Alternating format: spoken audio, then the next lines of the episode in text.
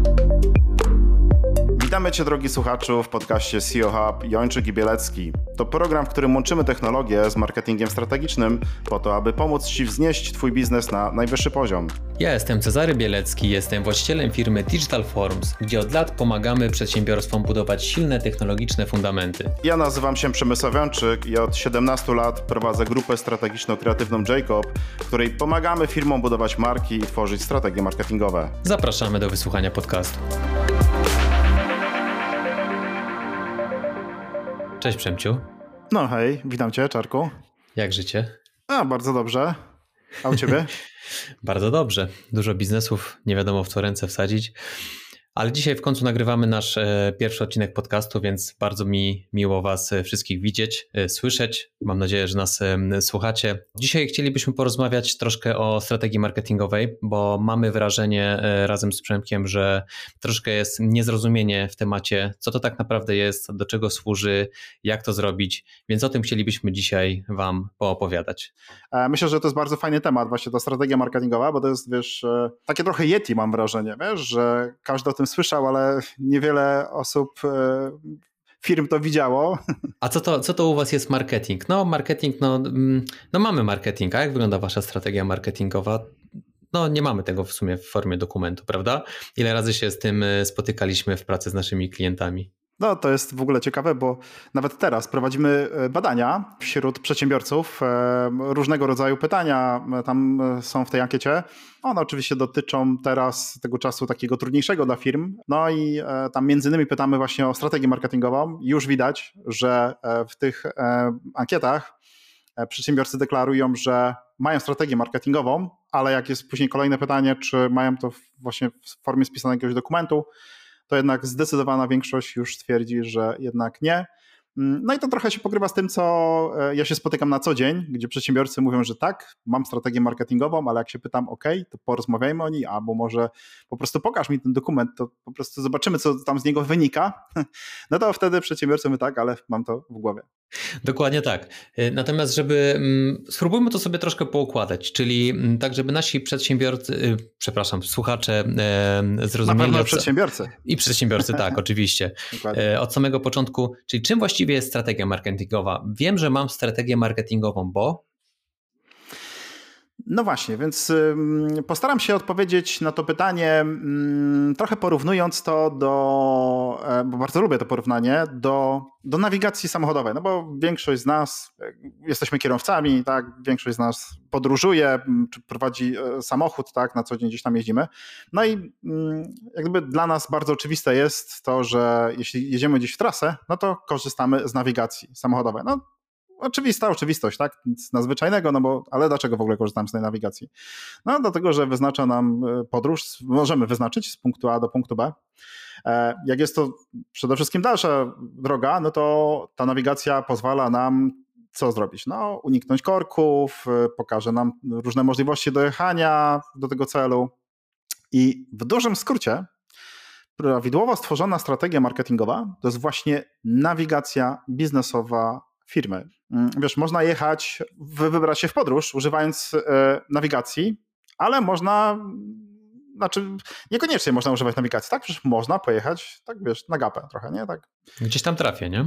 No, gdzieś tam trafię. No. I ten mit strategii marketingowej, e, znaczy mit w tym sensie, że tak powiedziałem, no, gdzieś tam każdy z nas słyszał, Natomiast rzeczywiście procent firm, które faktycznie mają opracowaną taką z prawdziwego zdarzenia strategię marketingową jest mały, Wynika stąd, że mm, na początku etapu naszej drogi biznesowej mm, ta strategia marketingowa mm, nie tyle, że nie jest potrzebna, co biznesy powstają bardzo intuicyjnie. Czy jako przedsiębiorcy od czego zaczynamy? Tak? Gdzieś w jakiejś branży się Widzimy jakąś potrzebę, prawda? Tak, no, albo widzimy zapełnić. jakąś potrzebę rynkową, albo yy, po prostu jesteśmy specjalistami i stwierdzamy, że pewnego pięknego dnia, skoro ja tutaj w tej firmie pracuję i jestem świetnym programistą, no dobrze, że jak ja teraz otworzę firmę, to, to, to, ja będę tylko same faktury wystawiał. To już będę w ogóle od razu już rentierstwo, sukces do końca życia. Ja 15 lat temu tak naprawdę myślałem, to, to jest niesamowite, jak potem życie to weryfikuje, ale, ale idźmy dalej. Tak, od przeważnie od czegoś takiego się zaczyna, tak, tak wyglądają początki. Tak, nawet gdzieś tam w terminologii marketingowej jest taki termin marketing intuicyjny, czyli e, rozpoczynamy nasz biznes i kierujemy się, jakby nasze działania są podyktowane naszą intuicją, jakimś doświadczeniem biznesowym, życiowym i w ten sposób rozwijamy firmy. No bo na początku, jak jesteśmy sami, a później już zatrudnimy tego pierwszego pracownika, no to wiadomo, będąc na początku tej drogi samemu, no zajmujemy się wszystkim w tej firmie, tak? No i to nie jest tak słodko, jak już tak tutaj na, na wstępie powiedziałem, tak, że to już jest ten sukces, bo jednak się okazuje, że ta nasza pasja, tak, to, to programowanie to jest później tylko 10% tego, co robimy, bo 90% to są zupełnie inne rzeczy. To trzeba jednak umieć pozyskać klientów, to trzeba jednak zbudować ofertę. Mm. Zarządzać pracownikami. Tak jak w, w jednej z tak. naszych ulubionych książek, jak w micie przedsiębiorczości, prawda? Jeśli lubisz piec bułeczki, to idź na etat i yy, piecz te bułeczki, a nie zarządzaj firmą, będziesz robił wszystko oprócz tych bułeczek. Bo tutaj widzisz, że jest takie trochę niezrozumienie definicji słowa przedsiębiorca. Przedsiębiorca e, to nie jest przecież programista. To przedsiębiorca to przecież nie jest, nie wiem, grafik, czy nie jest to jakiś projektant wnętrz i tak dalej. Oczywiście ta osoba może być również przedsiębiorcą, ale przedsiębiorca jest odpowiedzialny za prowadzenie firmy. I tutaj jednak są wymagane zupełnie inne kompetencje. Natomiast wracając do tej strategii marketingowej, bo tutaj jakby ten temat dzisiaj e, chcemy poruszyć i, że tak powiem, wyjaśnić, e, czym tak naprawdę jest ta strategia marketingowa. No więc strategia marketingowa, tak powiedziałem, jest właśnie pewnego rodzaju nawigacją biznesową i mm, Tutaj często mm, takie padają pytania od strony przedsiębiorców, ok, ale czy każda firma powinna mieć strategię marketingową? Albo na przykład e, bardzo często gdyby postrzegamy, że strategia marketingowa to na pewno tylko największe firmy. My jesteśmy za małą firmą, żeby mieć strategię marketingową, prawda? I tutaj jest takie półprawdy, bo rzeczywiście prawdą jest, że każda duża firma ma strategię marketingową. A to wynika wprost stąd, że na etapie rozwoju firmy każda firma, która działa w oparciu o marketing intuicyjny, dojdzie do bariery wzrostu. I teraz tej bariery wzrostu nie da się przebić bez opracowania strategii marketingowej, ponieważ strategia marketingowa to tak powiedziałem, tak ta nawigacja, czyli wyznaczamy sobie nasze cele biznesowe, tak, ten punkt A do punktu B, ale po drodze wykonujemy mnóstwo różnych obliczeń. Tak, ta nasza nawigacja za nas oblicza tą trasę, sprawdza, czy na drodze może są korki, czy może tam coś się wydarzyło. To wszystko musimy my zrobić. Tworząc strategię marketingową, musimy wykonać analitykę. Tak naprawdę strategia w 70% opiera się na analizie rynku, branży, konkurencji. Dopiero mając tego typu dane, wyciągane są z tego wnioski, ustawiane są cele biznesowe, tak? I, i później tak naprawdę na, na, na, końcu jest ten plan, czyli tak ta nawigacja wy, wytyczy tę drogę, to, to de facto na końcu ta nasza strategia marketingowa, no to finalnie ma plan marketingowy, nie? I duże firmy to mają, bo po prostu nie byłyby dużymi, gdyby tego nie zrobiły. Po prostu naturalnie dochodzimy do pewnej bariery wzrostu. Mm, natomiast bardzo często spotykamy się mm, z takim pytaniem u, u, naszych klientów, właściwie po co jest tam mm, ta strategia nam? No bo sprzedajemy, mamy klientów i właściwie jakoś sobie radzimy, więc po co nam ta strategia? I tutaj bardzo warto nakreślić, że dzięki temu, że dzięki strategii możemy sobie lepiej określić, komu oferujemy, co oferujemy, jakie problemy rozwiązujemy, jak do nich docieramy. E, możemy czasami na przykład zawęzić sobie obszar naszego działania, zrobić sobie niszę, dzięki czemu jesteśmy rozpoznawani lepiej w swojej niszy. Tutaj możliwości jest tak naprawdę e, bardzo dużo, natomiast jeśli zastanowimy się nad tym, jak zbudować strategię marketingową, pozwala nam to lepiej dotrzeć do, lepiej dotrzeć do naszych klientów, prawda? Tak naprawdę to wszystko, co robimy, robimy lepiej z jakiegoś względu, prawda? Zgadza się. To bardzo fajnie, że poruszyłeś w ogóle temat zasadności strategii marketingowej, bo gdyby ktoś mnie zapytał, czy każda firma potrzebuje strategii marketingowej, to odpowiedź brzmi nie. Nie każda firma. Wręcz niektóre firmy na początku mm, nawet nie zalecane jest, żeby miały strategię marketingową. I teraz kilka mm, jakby przypadków, kiedy ta strategia się przydaje, kiedy nie. Po pierwsze, trzeba sobie zadać pytanie, czy No bo prowadzisz firmę, jesteś przedsiębiorcą. No teraz jest pytanie, czy ty coś chcesz zmienić w tym swoim życiu? Czy to, co teraz dzieje się, ten stan obecny w tej twojej firmie, to jest stan, który jest dla ciebie zadowalający i ty nic nie chcesz zmieniać? No bo jeśli to, co ty teraz robisz, jest ok, masz wystarczającą ilość klientów, nie wiem, prowadzisz działanie marketingowe w taki sposób, że nie odczuwasz jakichś tam znaczących spadków. Generalnie wiadomo, są jakieś wahania, ale generalnie tendencja jest gdzieś tam cały czas e, e, taka, nie wiem, delikatnie wzrostowa, bądź jest to bardzo stabilne. I ty nie potrzebujesz, nie wiem, więcej klientów, być może nie potrzebujesz więcej zarabiać, bo to, co masz, ci wystarczy. No to odpowiedź brzmi: ty nie potrzebujesz strategii marketingowej.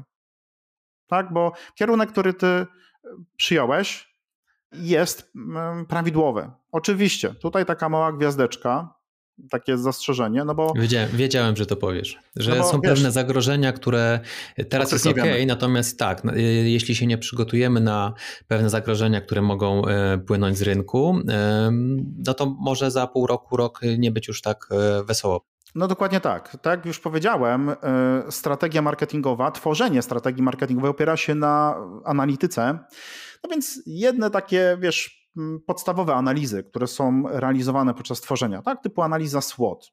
Prawdopodobnie najbardziej popularna analiza, myślę, że większość z nas gdzieś tam kojarzy, nawet ze studiów, e, e, i, i od razu powiem, że to jest bardzo często mocno niedoceniana analiza, tak? gdzie tak naprawdę cztery obszary są, które my analizujemy, czy na, czyli słabe strony, mocne strony, szanse, zagrożenia. E, no, podczas właśnie tego typu analiz możemy dostrzec jakieś zagrożenia. Możemy zauważyć, że no jest ok, ale zmieniają się jakieś trendy, być może e, pojawią się jakieś ustawy, które gdzieś tam nas, nasz biznes zablokują, albo nie wiem, opieramy swój biznes na przykład, strzelam, o TikToka, a słyszymy, że być może za chwilę TikTok będzie gdzieś tam zbanowany. No, jest wiele różnych takich zagrożeń, Oczywiście nie wszystkie przewidzimy, natomiast możemy przygotować swoją firmę do pewnych jakichś zagrożeń, które wystąpią. Nie? Myślę, że tutaj jeszcze takim ciekawym case'em jest, tylko dopowiem, mhm. bardzo znanym. Myślę, wydaje, że, że dla mm, przedsiębiorców, e, zwłaszcza z branży takiej digitalowej, Brand24. Brand24, bardzo fajny startup, który bardzo Też fajnie... chciałem o Michale powiedzieć, bo to no, jest idealny przypadek właśnie, kiedy zabicie um, jednego API właściwie położyło cały biznes. Szczerze mówiąc nie, nie sprawdzałem w jaki sposób oni się odbili, podejrzewam, że coś tam się, coś tam się odetkało, natomiast to był biznes z tego co wiem zbudowany mm, dookoła jednego API i w momencie kiedy ono zostało zablokowane nagle cała firma no właściwie mogła się położyć. E, to jest właśnie zagrożenie, które powinno podczas takiej analizy wyjść, prawda? Albo na przykład, nie wiem, mamy jakiegoś kluczowego pracownika i on ma jakieś know-how, które jest w żaden sposób niespisane, nieprzekazane, nie szkoli on następnych ludzi. Tych zagrożeń może być bardzo dużo.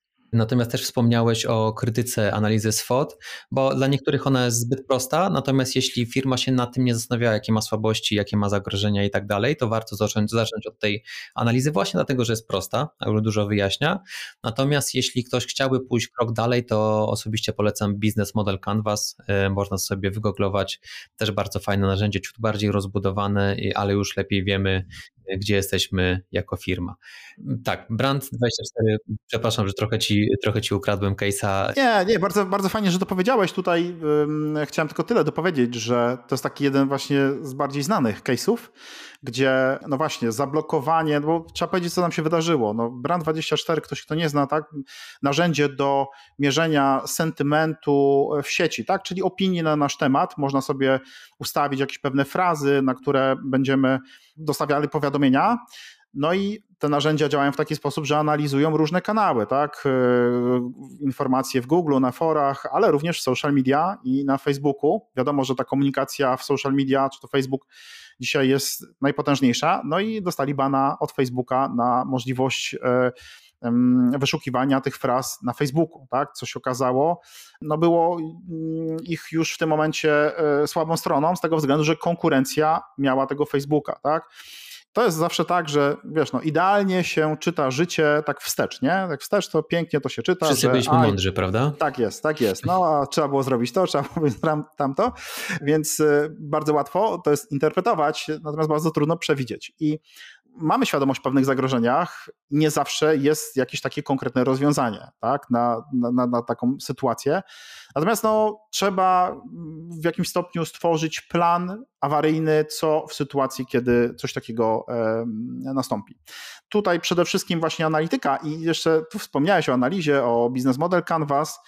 U nas jest tak, że tych modeli marketingowych, biznesowych, no nie wiem, jest, słuchaj, no jest ponad 100. Jest ponad 100 różnych modeli marketingowych, biznesowych i one są dobierane względem potrzeb danej firmy, potrzeb osiągnięcia jakiegoś danego rezultatu, więc tych analiz też jest wiele różnych. I tak powiem szczerze, to, że analiza jest w pewien sposób prosta, one są często jedne z najbardziej takich skutecznych analiz, tak? gdzie uzyskujemy informacje mm, naprawdę takie bardzo rzeczowe, takie, które pokazują nam kierunek. I tu od razu powiem, nieraz spotkałem się z czymś takim, gdzie właśnie wykonywaliśmy analizę SWOT dla przedsiębiorcy i tam jest na przykład pytanie o słabe strony, no to przedsiębiorcy wiadomo, działają. Dokładnie, nie, najlepsi jesteśmy. najlepsi na rynku. Jak to jest w ogóle możliwe, tak? Najlepsi na rynku, najlepszy produkt, w ogóle wszystko jest najlepsze, tylko nie wiemy dlaczego e, tak jakoś sprzedaż Tylko, tylko klienci nie chcą kupować, prawda? Na no tak, przykład. tak, tak, dlaczego, nie? W ogóle to jest w ogóle ciekawe, bo e, no, kochamy naszą firmę, uwielbiamy nasz produkt, trochę, trochę, trochę klienci nam przeszkadzają w ogóle w tym biznesie. Gdyby nie ci klienci, to już w ogóle byłby super biznes.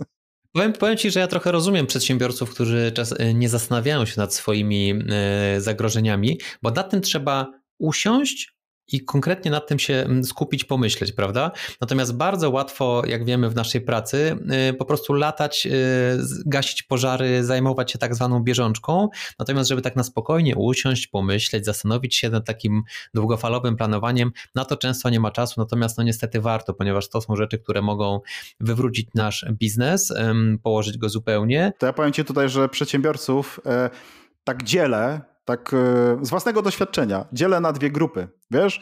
Bo tu mówisz, że e, bardzo często sobie nie zdają sprawy i nie podchodzą, nie, nie robią analiz. Także ja już przedsiębiorców sobie dzielę na tych przed i po bankructwie ci po bankructwie już biorą pod uwagę e, te działania i sam jestem po dwóch takich bankructwach. No to jedno takie było dosyć e, solidne 8 lat temu i no dzisiaj uśmiecham się, tak, i wiem, że to była dla mnie tak naprawdę świetna lekcja z perspektywy czasu. Teraz już wiem, że to, to, to było bardzo potrzebne, bo po prostu w ten sposób się nauczyłem.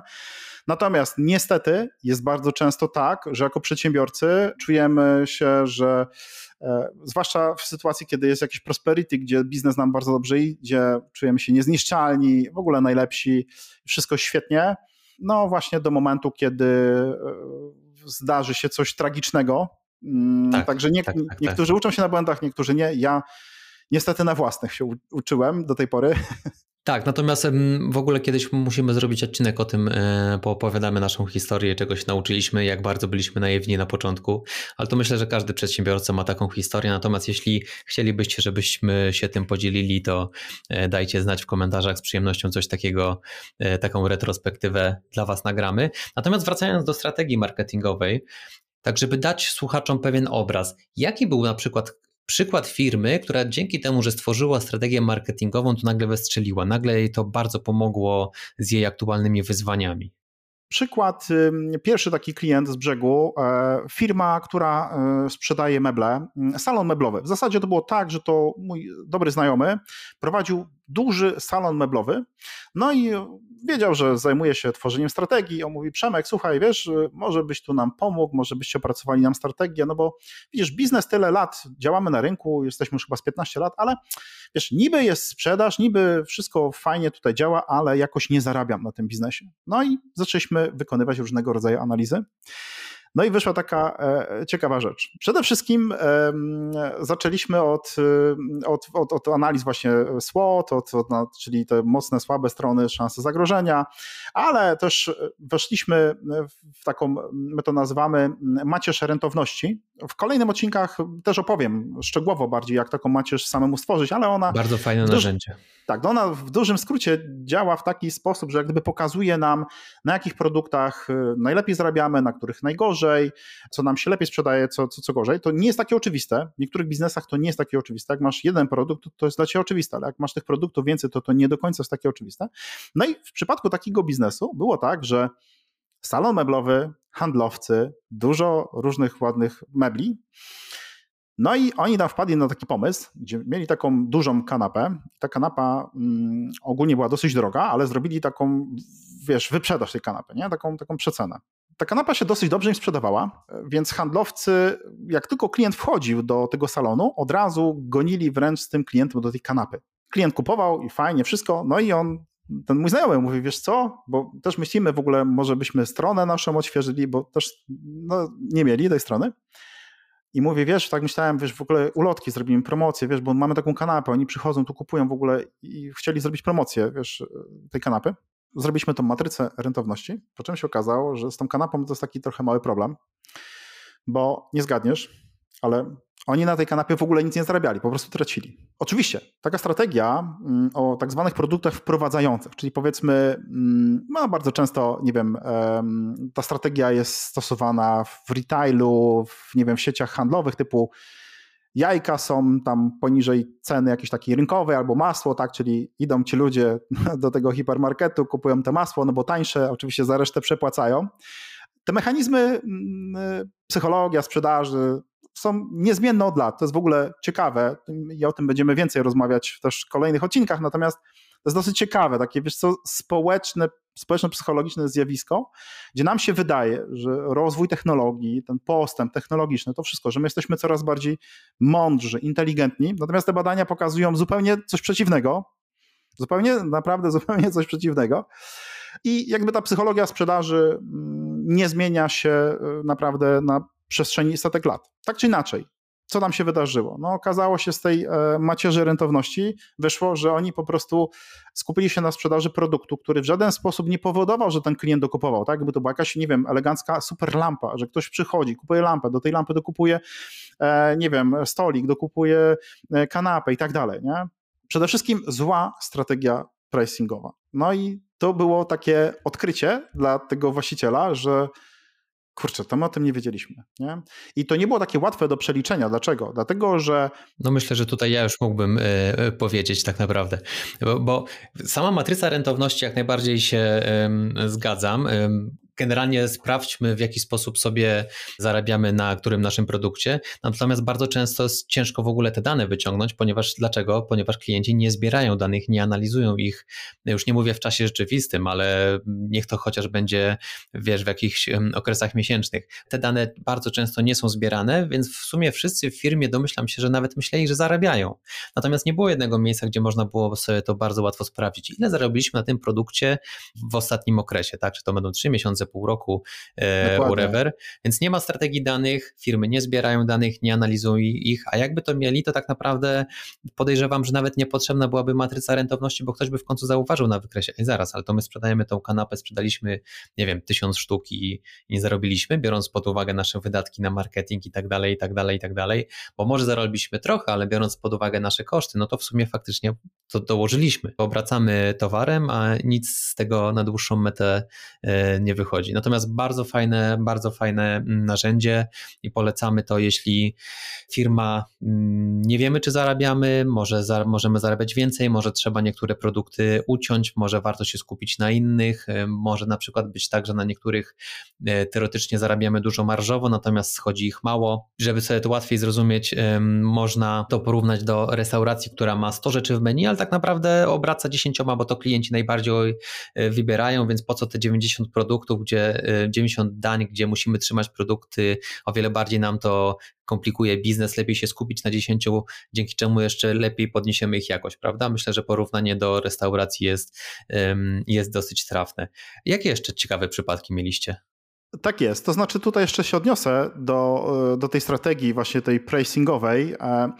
E, bo ktoś może sobie pomyśleć, no ale jak to, jak to nie wiedzieli, tak? Przecież no, łatwo, tak? Obliczyć marża, obliczyć ile tutaj mamy z tego przychodu, później dochodu. No, okazuje się, że po pierwsze w ogóle mnóstwo firm, po pierwsze w ogóle nawet nie wie dobrze, jak marżę wyliczyć, ale to już jest na...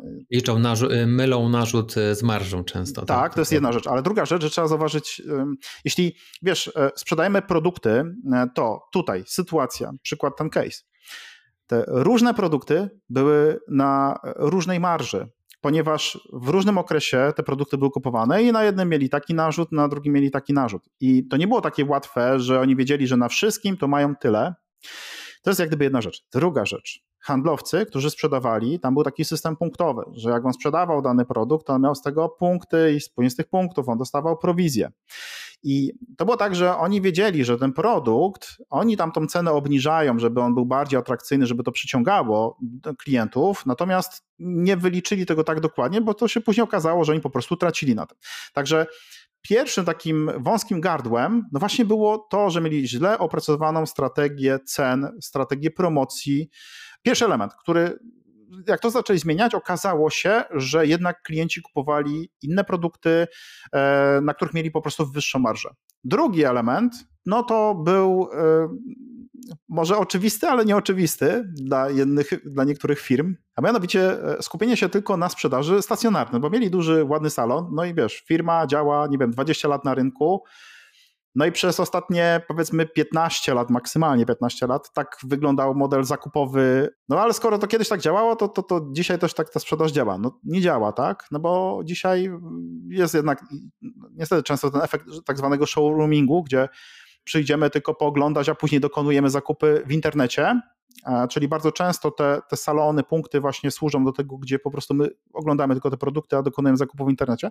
No ale no, wiesz, Czarku, fajnie byłoby, gdyby ta firma miała przynajmniej sklep internetowy, w którym później mógłbyś ten produkt kupić, no bo jeśli nie ma, nawet chociażby e-commerce, no to, to trudno mówić tutaj o istnieniu wiesz, w internecie. No i tutaj mieli oczywiście stronę, mieli jakieś produkty. Oczywiście data aktualizacji to tam rok 2016, tak, takie informacje na tej stronie. Nie skupili się na tym, żeby budować e-commerce, tak, bo sądzili, że tylko to, że mają dobrą lokalizację i, i do tej pory to działało, to, to będzie działać wiecznie. No nie, nie działał wiecznie. I tutaj w ogóle takie ciekawa y, rzecz. Y, w trakcie pandemii, dosłownie chyba z dwa tygodnie po tym, jak był lockdown i, i, i no, cała Polska, że tak powiem, e, była na kwarantannie. Nie wiem czemu, znaczy, no wiem czemu, e, bo to jest ten case, ale na przykład jedna z branż to właśnie były salony meblowe, gdzie po, po prostu przesyłały nam zapytania na pęczki. Naprawdę, dziennie to dostawaliśmy po 5-6 zapytań od salonów meblowych, które chciały e-commerce. Nie?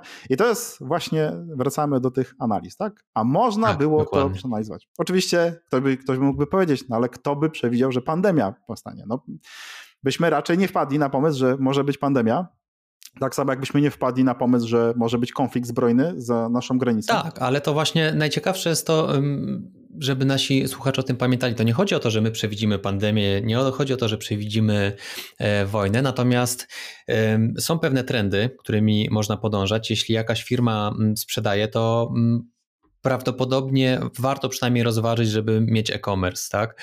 E, jeśli jakaś firma zajmuje się jakimś e, ciekawym sektorem, to zawsze są pewne drogi, zwłaszcza digitalowe, żeby troszkę bardziej rozszerzyć działalność, żeby postawić następną e, nogę w biznesie.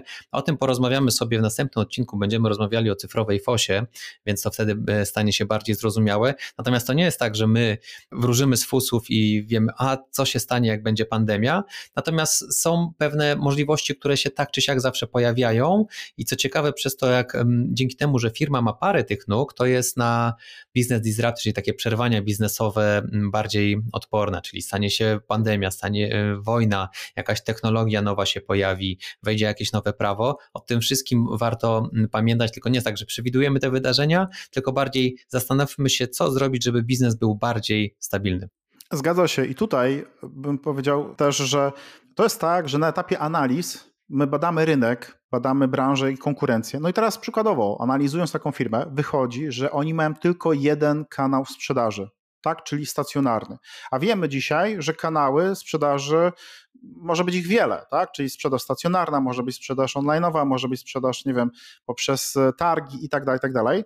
I teraz w ramach tych analiz my byśmy nie odpowiedzieli, że tam, nie wiem, że będzie zagrożenie pandemii. Tak, po prostu tak, byłaby tak. odpowiedź, że nasi klienci chcą korzystać z alternatywnych kanałów y, zakupu, tak? Z alternatywnych kanałów, gdzie online'owo będą mogli dokonać zakupu. I teraz, czy nam się to podoba, czy nie, mm, no to, to o tym decyduje nasz klient. gdzie on tak, dokona tak, tego prawda. zakupu. I teraz my możemy sobie mówić, nie, nie, nie, ja mam salon i ja będę sprzedawał tylko w salonie, okej, okay, no to, to, to, to tak tkwi w tym, ale to jednak tym prezesem, tym, tym szefem, no to jest klient, tak? I tu trzeba jednak iść za tym, co klienci jakby czego oczekują.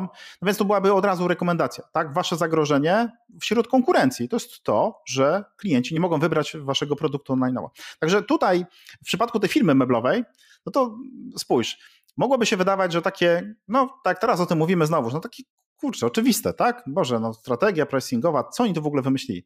Ale tutaj jest taka jedna rzecz, że dopiero jak my to przeliczyliśmy, to właściciel tej firmy zobaczył te liczby, zobaczył ile on na przestrzeni miesięcy, lat stracił, ile mógł w tym czasie zarobić, gdzie popełnił błąd.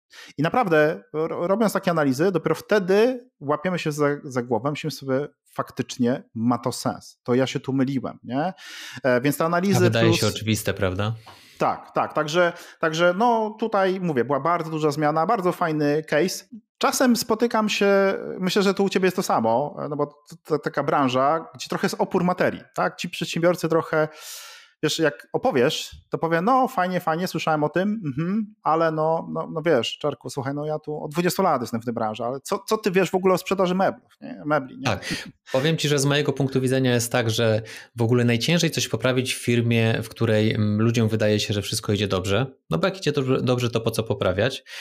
Większość firm szuka rozwiązania dopiero jak pojawia się jakiś problem, natomiast bardzo mało jest takich, y, które, w którym wszystko idzie dobrze, natomiast przygotujmy się y, w międzyczasie, bo to nigdy nie idzie non-stop dobrze. Zawsze coś się może zepsuć, więc poszukajmy, czy nie mamy na przykład jakichś wąskich gardeł, czy może nasz biznes nie stoi na jednej nodze, więc jak coś z tą nogą się stanie, to już będzie tragedia i tak dalej, i tak dalej. No niestety najczęstszy przypadek jest taki, że firmy szukają odpowiedzi, jak, y, jak coś się dzieje źle, ale chyba taka jest, tak działa ludzka psychika, prawda?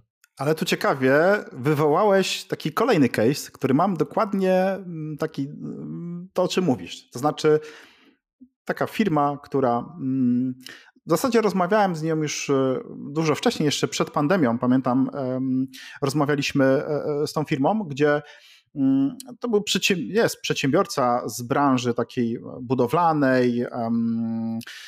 To jest w ogóle firma tworząca produkty z aluminium. To jest w ogóle tak, że ja pamiętam pierwszy raz, jak zobaczyłem tą firmę, ich stronę internetową i zaczęliśmy się z tym zapoznawać, to, to, to, to sądziliśmy, że to jest, wiesz, to oczywiście nie obrażając żadnego pana Edka, ale taki pan Edward, który po prostu prowadzi sobie fajny jakiś taki warsztat, nie wiem, samochodowy, majsterkuje, no i tam jakieś robi elementy aluminiowe, tak? No wiesz, taki tam pan Edward, tam wiesz, to, to, to amelinowe nie pospawasz, panie, nie? No ale jak tak się zagłębiliśmy w to, nie to się okazało. Było w oryginale. Jak? Chyba, że to same linium tego nie pomalujesz, no ale lećmy dalej. Nie pospawasz, no, czarku, amelinowe nie pospawasz, to nie spawasz. Okay. E, no więc, co się okazało, ten pan przysłowiowy Edward, no to jest producent, który zatrudnia 1800 osób, no i jest e, jedną z takich większych firm w Europie.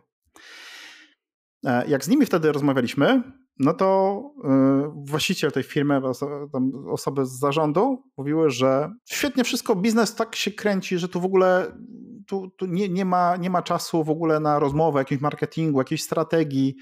Pamiętam ten moment, jak byłem u tego właściciela, ja, ja pokazuje mi to z okno. Widzi pan na ten parking jest tyle samo, tyle mamy, no nie mamy czasu, wie pan, nie mamy czasu, nie?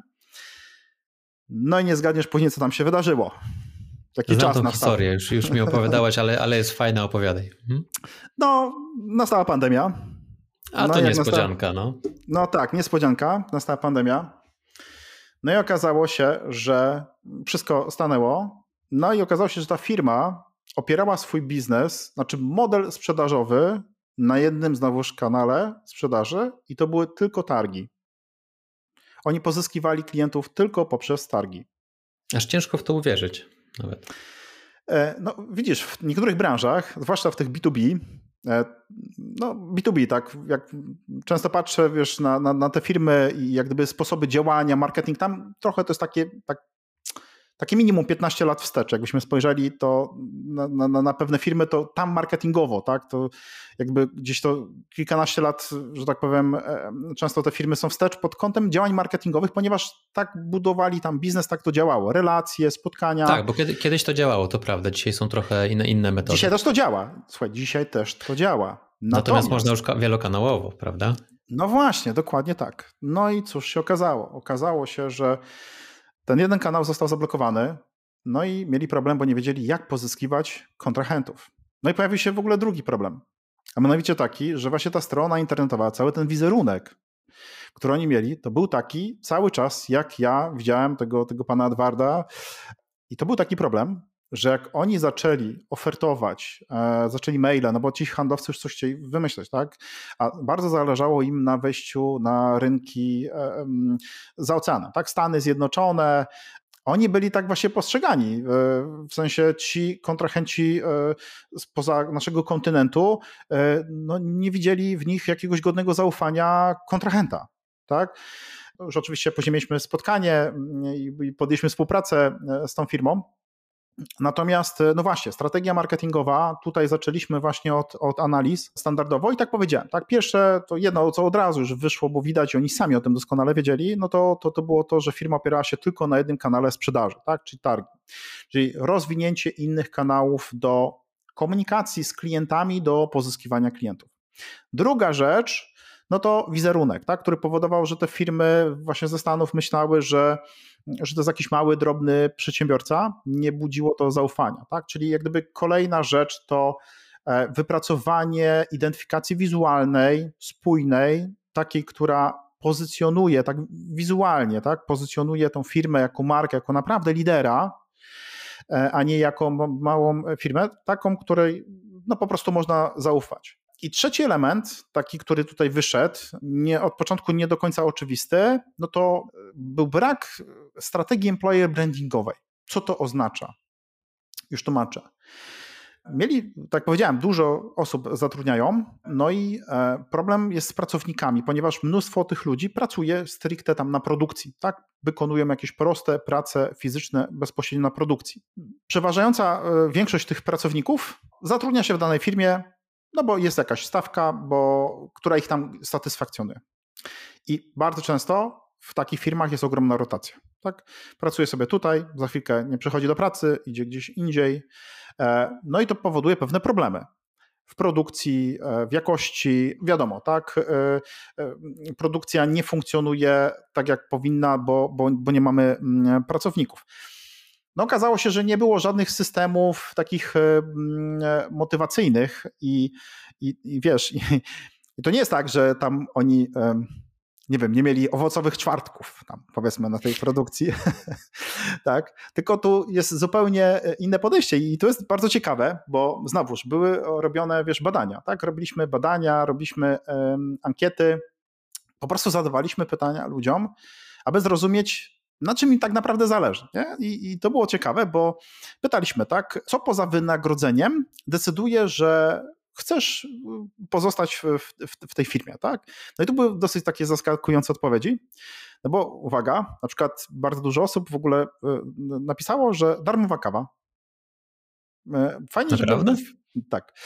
Widzisz, to jest trochę mm, jakby z naszej perspektywy niezrozumienie tematu, ale w każdej firmie na pewnych stanowiskach ludzie mają zupełnie inne potrzeby, inaczej postrzegają do nas stanowiska. Na przykład to, to było, że, mhm. że jest automat, ekspres do kawy, oni mogą sobie zrobić pyszną kawę i, i to jest fajne, tak? Czyli pracujesz, jest spokój i masz kawę. Co było hitem, to było możliwość kupowania śniadania w pracy ze zniżką 50%. Czyli ponieważ znaliśmy taki model z innych firm, e, okazało się to e, dużym sukcesem, to, że taka osoba może w miejscu pracy za pół ceny kupić sobie fajne śniadanie. Nie, nie musi przynosić e, z domu i zresztą wychodziło mu to taniej niż, e, niż, niż samemu by kupił te produkty. A wiadomo, że firma jak na dużą skalę te rzeczy kupuje, to też ma rabaty, więc w zasadzie bez, praktycznie na tym nie tracili, a bardzo fajna, bardzo fajny element motywujący. I jeszcze taka ciekawa rzecz, można powiedzieć, że to bez oczywistość, no ale jednak nie. Pensja wypłacana na czas na przykład e, zadeklarowali, że to fajnie byłoby mieć taką pracę, gdzie no, na czas płacą im pensję, tak? Mhm. Więc takie rzeczy, które, tak mówię, no mogą się wydawać absurdalne, jednak powodują, że ludzie decydują się zostać w miejscu pracy. Tak więc tutaj podsumowując tak krótko tego przedsiębiorcę, to mm, wypracowywanie strategii marketingowej, oczywiście tam było dużo różnych analiz i jakby nie będziemy wchodzić bardzo w szczegóły innych elementów, obszarów biznesowych, ale takie główne elementy, e, które miały wpływ na, na tą barierę e, wzrostową i w zasadzie to, to ten zastój, który już był w pandemii, no to po pierwsze, opieranie sprzedaży na tylko jednym kanale. Druga rzecz to brak wizerunku marki, brak wizerunku, który pokazywałby, że to jest naprawdę duża firma, solidny, sprawdzony partner. E, trzecia rzecz, nie było jakikolwiek pomysłu, planu, strategii właśnie tej employer brandingowej, e, czyli wewnętrznej takiej, jak zadbać o pracowników, jak e, zachęcić ich, żeby tutaj pracowali, żeby nie zmieniali tej pracy. Także to jest takiej dużej firmy. Mhm. I tutaj mm, warto dodać, tak zastanówmy się, ilu naszych klientów, jakbyśmy im opowiedzieli o strategii marketingowej, znaczy rzucilibyśmy hasło, ilu by przyszło do głowy, że, że w ogóle to się oprze o pracowników, prawda? O employer branding, jaka to byłaby rzadkość. Natomiast warto pamiętać, że jako pracodawcy mamy tak naprawdę zawsze dwie kategorie klientów. Mamy tych klientów takich tradycyjnych, o których myślimy, że im sprzedajemy nasze produkty, nasze usługi, a drugim typem klientów są nasi pracownicy. Im też musimy sprzedać naszą firmę, żeby oni chcieli tutaj pracować, prawda? Nie zawsze da się, zakładam, że to zależy troszkę od branży, ale no, niekoniecznie chcemy zawsze e, konkurować e, pensją, natomiast są też branże i specjalności, gdzie nawet pensja może niewiele zmienić. Więc employer branding też jest, e, też jest bardzo ważny. Dobrze, to tak, żeby to zamknąć wszystko klamrą, jeśli chcielibyśmy zacząć myśleć o wprowadzeniu strategii marketingowej w swojej firmie albo spróbować zdiagnozować, czy w ogóle jej potrzebujemy, od czego powinniśmy zacząć? Jakie są pierwsze kroki? Po pierwsze, uświadomić sobie, że faktycznie jesteśmy gotowi na, na zmiany i uświadomić sobie to, że analityka, którą wykonamy, dostarczy nam informacje, które mogą nam się nie spodobać. Wiem, że to dziwnie zabrzmiało, co powiedziałem, natomiast bardzo często, jak rozmawiamy z przedsiębiorcami, to to jest problemem.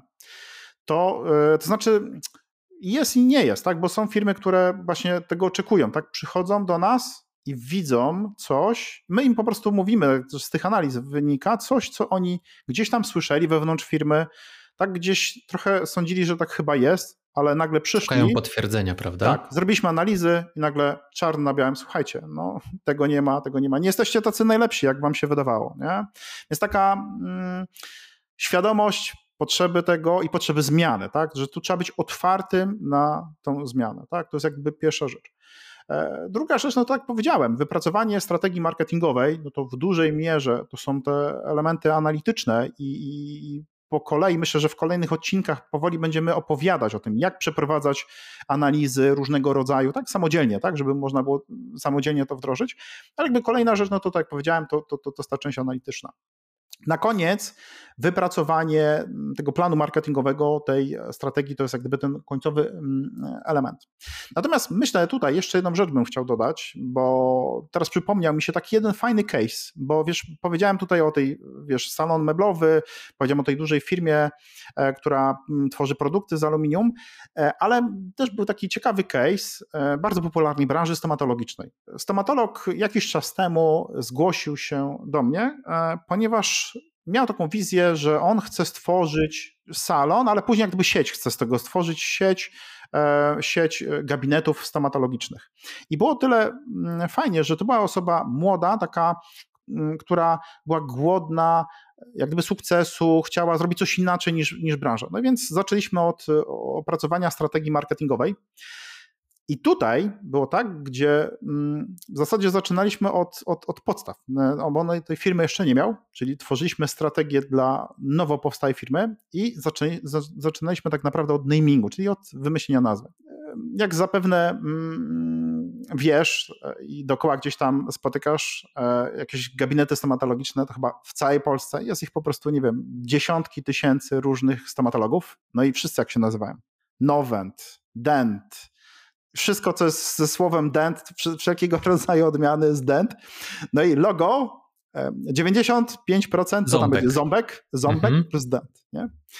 I to było bardzo fajne, trochę jakby pokazuje mm, odwołanie do tego, co powiedziałem, ta otwartość tego umysłu, bo akurat ten przedsiębiorca, bo on jest lekarzem, ale również przedsiębiorcą, był bardzo na to otwarty. I wiesz, rozmawiamy z nim, mówimy: Słuchaj, musisz wyjść poza schemat. To nie może się nazywać dent i ząbek, bo nie dlatego, że tak cała branża tak robi, no właśnie trzeba zrobić inaczej, tak? Czyli musisz wymyśleć, musimy wymyślić jakąś inną nazwę. E, no i tutaj e, skończyło się na nazwie skrzypek, gabinety stomatologiczne skrzypek, skrzypek stomatolog. Skąd w ogóle taka nazwa? No po prostu ten człowiek ma na nazwisko skrzypek. Więc stwierdziliśmy, że to jest e, świetna okazja, gdzie w pewien sposób użycza swojego nazwiska, chociaż docelowo, jeśli rozwinie sieć i nawet chciałby sprzedać, to, to, to jak gdyby nie, nie wiąże się to bezpośrednio z jego osobą. Jest to coś niestandardowego. Tak? No i wiesz, znamy, wszyscy słyszeli o skrzypku na dachu, ale kto słyszał o skrzypku stomatologu? No więc tutaj była nazwa skrzypek stomatolog. To był pierwszy element tak, te, tego właśnie wypracowanej tej strategii nowo powstałej e, firmy. Ciekaw jestem, e, co tam jeszcze mu zrobiliście w ramach, e, w ramach strategii, no bo można powiedzieć, że no, jeśli klient miał nazwisko skrzypek, to trochę się to nasuwało, prawda? Natomiast ciekaw jestem, w jaki sposób wypracowaliście mu strategią przewagi biznesowe, których nie miała konkurencja, ale podejrzewam, że z kolei tutaj możemy łatwo zidentyfikować klienta, więc tutaj już podejrzewam, że NDA nas trzyma, prawda? To znaczy, to odpowiem, bo akurat e, ta branża była dosyć łatwa e, w tym sensie, że tak powiedziałem, no słuchaj, było 30 tysięcy dentów, jest jeden skrzypek. Jest ktoś, kto wyłamuje się ze schematu. Oczywiście teraz to było parę lat temu. Teraz już obserwuję, tak? Te gabinety już zaczynają się inaczej nazywać i tak dalej. Widać, że po prostu te firmy inwestują. Szukają swojej drogi, prawda? Tak, szukają swojej drogi. Natomiast y, no, wtedy to naprawdę była już na dzień dobry y, wyróżnik tak, jego firmy. Tutaj taka kolejna rzecz na etapie analiz, y, które robiliśmy, no bo strategia marketingowa tak naprawdę ma na celu odpowiedzieć na dwa pytania. I to jest, można, można by zamknąć strategię marketingową do dwóch pytań. Pierwsze pytanie: kto, czyli kto powinien być naszym klientem, kto jest naszym klientem? Tak? I mhm. drugie pytanie: dlaczego ten ktoś powinien u nas kupić produkty? A cała reszta już z tego wynika, tak? Z tego wynika, dokładnie. Czyli, czyli grupa docelowa kto, jak gdyby analizujemy pod kątem konkretnych grup docelowych, a później e, wypracowanie strategii pozycjonowania rynkowego to jest odpowiedź dlaczego, czyli czym się różnimy, dlaczego nasza oferta, dlaczego nasz produkt i tak dalej. No i właśnie na tym etapie tworzenia tego, tej strategii pozycjonowania rynkowego zaobserwowaliśmy jedną rzecz. Przeważająca większość gabinetów stomatologicznych komunikuje się w ten sposób. U nas jest bezboleśnie nie będzie bolało bezboleśnie i tak dalej. Czyli komunikacja, po pierwsze, wiesz, no y, takie z jednej strony... Odnosi się do nieprzyjemnej części, tak, tak naprawdę. Tak, no właśnie, no, no właśnie, tak, nie, tu, tu, tu, tu zauważyłeś jedną rzecz, bo to jest, widzisz, odwołujemy się do emocji, tak, że u nas nie będzie bolało, a jak gdyby stomatologa kojarzymy z tym, że tam boli, przy czym to ma kilka wad. Wada numer jeden, jak zrobiliśmy analizy właśnie, kto, kto grupa docelowa, to jednak w tej grupie docelowej wyszło, że my nie chcemy mieć pacjentów, którzy przychodzą z bólem. Dlaczego? Dlatego, że wiesz, jeśli już kogoś bardzo boli ząb, to jest za to, późno. To za późno, ale widzisz, powiedzmy w 90% przypadków, ok, 10% to rzeczywiście będą jakieś sytuacje takie wyjątkowe, ale to 90% przypadków, to z czego to wynika, że tego kogoś ząb boli? Bo nie chciał pójść do, do, dentysty. No dokładnie. On po prostu nie chodzi do dentysty. Więc e, wiesz, biznesowo, jakbyś miał gabinet, to kogo ty chcesz? Takiego, kto po prostu będzie często przychodził na wizyty, będzie przychodził do ciebie na, e, nie wiem, jakąś higienizację e, i tak dalej. Tak? My chcemy mieć pacjenta, który po prostu będzie do nas regularnie przychodził. No więc jak już ząb boli, no to wtedy no już musi, bo go boli, to już idzie. Ale wiesz, on przyjdzie, ten ząb zostanie naprawiony, że tak powiem, i on już później nie wróci, no bo, no bo ma taki zwyczaj. Dokładnie. Natomiast bardzo fajnie tutaj mm, zarysowałeś sobie, bo zobacz, jak łatwo byłoby. Jestem dentystą, to otwieram po prostu swój salon, wrzucam tam Jarek Dent e, w nazwę i zapraszam swoich klientów, prawda? Natomiast jak się trochę zastanowimy, zadamy sobie dobre pytania, naszkicujemy ten model biznesowy, zastanowimy się, jak trafić do swoich klientów, co im oferujemy, dlaczego mają przyjść do nas, dlaczego mają przyjść do nas, a nie przyjść do konkurencji, czyli jakie jest nasze unique selling proposition, czyli unikalna propozycja sprzedaży, tak? To wtedy może nam wyjść bardzo ciekawa strategia marketingowa, która da nam już od samego startu przewagę nad konkurencją. Bardzo warto się nad tym zastanowić, a to nie jest aż takie e, skomplikowane. No nie dobrze. jest, ale, ale to jest problem. Nie jest, ale to jest taki problem, że jeśli siedzisz w danej branży, to jesteś to trochę zamknięty, przy, tak. Tak, patrzysz przez pryzmat tej branży. No więc widzisz, ci, ci stomatolodzy podchodzi na zasadzie, no tak, no tu, że nie będzie bolało, bo pacjenci jak gdyby jednym z pierwszych, jak gdyby kluczowych kryteriów wyboru i tak dalej, no to, to że to mnie nie będzie bolało, tak? Natomiast o, wiesz, jeśli wiemy o, do jakiej grupy docelowej my chcemy dotrzeć, to zastanawiamy się nad komunikacją. No i teraz pytanie, ok, no dobra, to wiemy, że no nie chcemy komunikować, że będzie bolało, to jak w ogóle komunikować? No i tutaj robiąc analizy, wyszło jednoznacznie, że my musimy komunikować, że to jest miejsce, gdzie my spełniamy marzenia o zdrowym i pięknym uśmiechu, bo to jest coś, co każdy z nas o tym marzy, tak? Każdy z nas chciałby być, wiadomo, piękny, młody, bogaty. Każdy z nas chciałby mieć piękny, zdrowy uśmiech. I to gdzieś podświadomie jest nasza potrzeba, cel. Więc e, komunikacja właśnie taka, która mówi przyjdź, nie zanim jak już będzie za późno i cię boli, tylko przyjdź dzisiaj gdzie my pomożemy Ci wypracować zdrowy, piękny uśmiech. I, i tego typu komunikacja, co ciekawe, jest komunikacją, która, która e, dla ludzi e, była przyjemniejsza w odbiorze, zachęcając do gabinetu, bo tam były później różnego rodzaju wiesz, kampanie reklamowe i tak dalej, mówiące o tym, że my spełnimy Twoje marzenia o zdrowym, pięknym uśmiechu, przyjdź do nas na kontrolę i tak dalej, niż Gdybyśmy straszyli, że jutro cię będzie ząb bolał, e, a u nas to dzisiaj go wyleczysz bezboleśnie. Tak? Więc, e, więc tutaj takie ciekawe mm, elementy, które zastosowaliśmy, które, tak mówię, dla tej branży nie były takie oczywiste i, i większość tych stomatologów jak gdyby patrzyło poprzez pryzmat pacjent, no to trzeba mu mówić, że na pewno nie boli, no bo, no bo zawsze to bolało, bo kiedyś wcześniej to, to, to bolało. Nie? Tak, bardzo fajna historia. To spróbujmy to sobie zebrać wszystko razem. Czyli tak jak ja zrozumiałem, tak jak ja to rozumiem, strategia marketingowa jest takim naszym, jeśli porównamy sobie do tej nawigacji, jest naszym sposobem, w jaki sposób docieramy z A do B. Czyli nie robimy rzeczy ad hoc, tylko nasze działania są takie zintegrowane, mamy to przemyślane, co sprzedajemy, komu sprzedajemy, w jaki sposób chcemy to zrobić, w jaki sposób dotrzeć do tego klienta, jaki problem rozwiązujemy naszym produktem i wszystko, co dalej z tego wychodzi. Dobrze zrozumiałem? Zgadza się. No, to podsumowując, masz e, strategia e, marketingowa, to jest nawigacja biznesowa twojej firmy. Nie masz tej nawigacji, znaczy, że jedziesz na gapę. Do, czy może się uda, może nie. No, znaczy wiesz, dojedziesz być może dokładnie, tak, ale czy będziesz tam pierwszy przed innymi, nie wiadomo. Dokładnie tak. Niekoniecznie strategia marketingowa jest potrzebna od samego początku, bo mm, zwłaszcza jeśli wychodzimy z bycia specjalistą już w jakiejś dziedzinie, to pewne rzeczy na początku robimy intuicyjnie, bo znamy branżę, bo znamy sektor i to może przez jakiś czas działać. Natomiast i nazywamy to marketingiem intuicyjnym. Natomiast jak firma będzie nam rosła, to będzie już w pewnym momencie to bólem wzrostowym. Pewnym momencie będziemy musieli już stworzyć strategię marketingową, żeby pójść dalej, bo inaczej no może nam się to po prostu rozsypać, zwłaszcza jeśli zapomnimy o pewnych zagrożeniach e, płynących e, z zewnątrz lub ze środka firmy. Zgadza się. No, na tym etapie rozwoju firmy, tak już powiedziałeś, te bóle wzrostowe, wiesz, w pamięci można policzyć i całkiem dużo, natomiast przy pewnej skali biznesu, do jakiej chcemy dojść, to wymagane są już naprawdę analizy, takie wiesz, konkretne wyliczenia i bez podejścia takiego profesjonalnego nie uda się to już osiągnąć. Tak? No i tak to jest, mówię, prosta odpowiedź. Dlaczego każda duża firma ma strategię marketingową? No dlatego, że nie byłaby duża, gdyby jej nie opracowała, bo po prostu to są pewne bariery wzrostowe. Tak, to prawda. Co jeszcze powinniśmy wrzucić do podsumowania? Myślę, że e, taki przekaz, jeden z najważniejszych, e, który myślę, że w wielu odcinkach będzie się pojawiał, to przede wszystkim nie podążaj za konkurencją, tak? Czyli stwórz coś unikalnego, tak? W biznesie trzeba pamiętać, że tylko liderzy zdobywają największą część tortu. Pozostała część tego peletonu to tylko zgarnia okruchy, tak?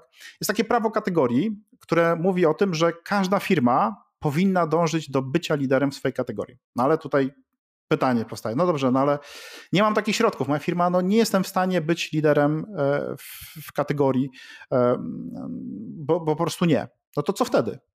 No to stwórz kategorię, w której będziesz liderem. Czyli stwórz niszową kategorię, e, wymyśl jakąś niszę i bądź w niej liderem. I myślę, że to jest klucz do sukcesu. To jest mokry sen wszystkich przedsiębiorców.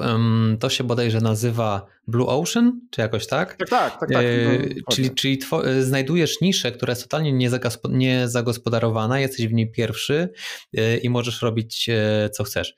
Wszystkim życzę znalezienia takiej niszy, bo to jest naprawdę gigantyczna przewaga mm, konkurencyjna. Natomiast y, jeśli mówimy o tym tworzeniu przewagi konkurencyjnej, to oczywiście technologia nam e, bardzo dużo tutaj umożliwia.